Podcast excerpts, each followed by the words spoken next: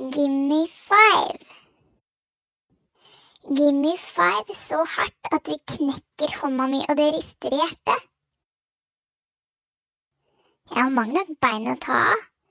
238 eller noe sånt. Jeg knekker ikke ryggraden selv om du knekker hånda mi i et forsøk på å skape samhold og straffe meg. Straffesamhold. Samværsstraff. Vaffelsamhold. Straffepapp. Som når du klapper en liten katt på hodet og lurer på hvor hardt du må klemme før skallen på katten sprekker. Hva slags mjau vil katten si da? Mjau. Eller mjau. Kanskje bare mjau. Du dreper ikke katten, men du kveler oss andre ved å finnes. Og når jeg sier oss andre, så mener jeg meg. Jeg kan ingenting om hvilket klokkeslett på tallerkenen du skal legge bestikket når du er i fint selskap og er ferdig spist. Jeg kan ikke min Bourdieu eller Kant eller Heidegger. Om jeg hadde vært i England, så hadde jeg ikke visst hvilken hatt jeg skulle kjøpt for å være med på hattefest og galopparrangement for å passe inn. Jeg hadde sikkert kommet med caps og ikke skjønt at hatten burde sett ut som en kake.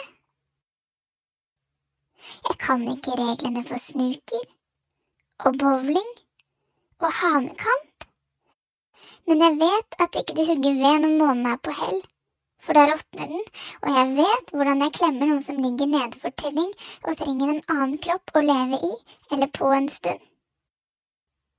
Jeg kan lese deg som en åpen bok uten å forstå innholdet. Noen ganger ringer jeg spåtjenester for å få svar. Alt de sier er Velkommen til den beste spåtjenesten. Vi har åpent døgnet rundt, hver dag, året rundt. Vil du prate med den første som er ledig, tast 1. Vil du høre presentasjonene før du bestemmer deg for hvem du vil prate med, tast 2. Eller om du allerede du vil nå få høre presentasjonene. Du kan alltid taste 6 for å hoppe videre til neste presentasjon.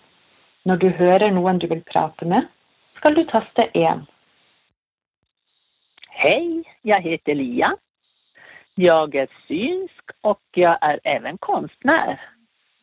Jag bor mitt inne i skogen i en liten röd stuga. Jag är här för att eh, hjälpa dig med de frågor du har om livet och relationer. Noen ganger skriver jeg plakater og henger utenfor vinduet. På plakatene står det 'Hjelp'. Kan noen hjelpe meg? Jeg drukner i mudder og saus og stillstand. Kan noen med riktige armer dra meg ut og inn i noe annet, eller låne bort litt av livet sitt, eller elske meg så lenge det tar å få vasket mudder og saus bort fra alle tærne? Det finnes gamle skoger med gamle minner, og gamle damer som ikke husker noen ting. Jeg vil leve uten filter, selv om jeg kanskje får i meg kjære, men heller hundre år uten ensomhet enn ti år med. Hvor er alle de som ligner på meg? For her er det ingen. Hallo? Hallo? Hallo?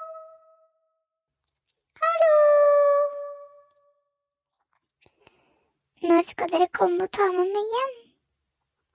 Til simling og famling og roligdans og lange samtaler med pene damer på et kjøkken der sitronserviset står på benken og alle glimter i blikket.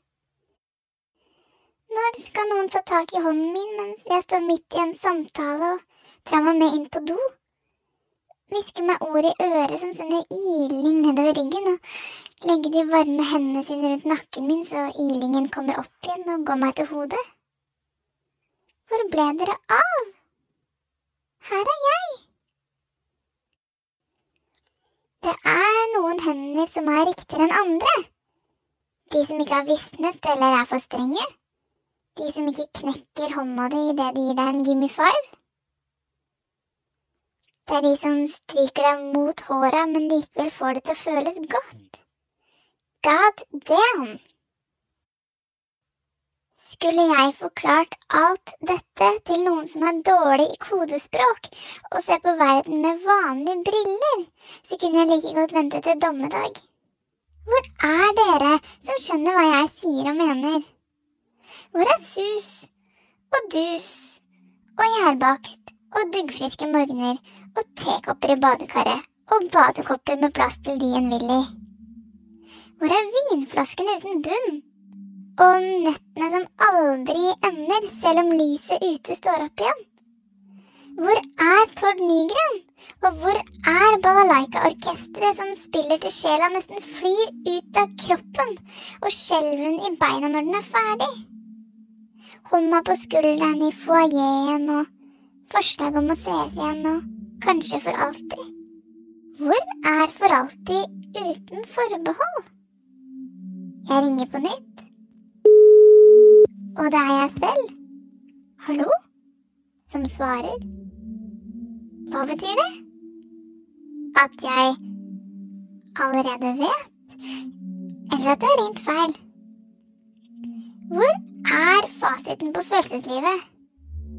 Hvor mye penger er det i Regnskogfondet? Og ville noe noen gang stilne sulten jeg har på livet? Nei. Gulvene er bølgeformede og går opp eller ned ut ifra hvor jeg skal. Inntil kjøkkenet så går jeg i motbakke. Men inn på soverommet får jeg medvind i ryggen, så jeg faller ned på senga og begynner å skrive dagbok. Jeg skriver om ting som ikke har skjedd meg, men andre. Sånn at jeg skal huske hva andre holder på med i sine innerste tanker. Jeg ringer på nytt. Men nå er det en annen tone. En annen lyd i telefonen. Hva skal dette bety? Inne på soverommet blir vinduene mindre, og lyset får det stadig vanskeligere med å lese hva jeg skriver. Til slutt er det mørkt, og jeg legger meg for å sove, men kommer på at jeg akkurat sto opp og var på vei inn på kjøkkenet for å lage frokost av gamle skorper jeg revet av for lenge siden. Sårene både gror og gror ikke. Det kommer an på hvilken dag du spør. Ingen spør, så jeg blir usikker på om sårene finnes.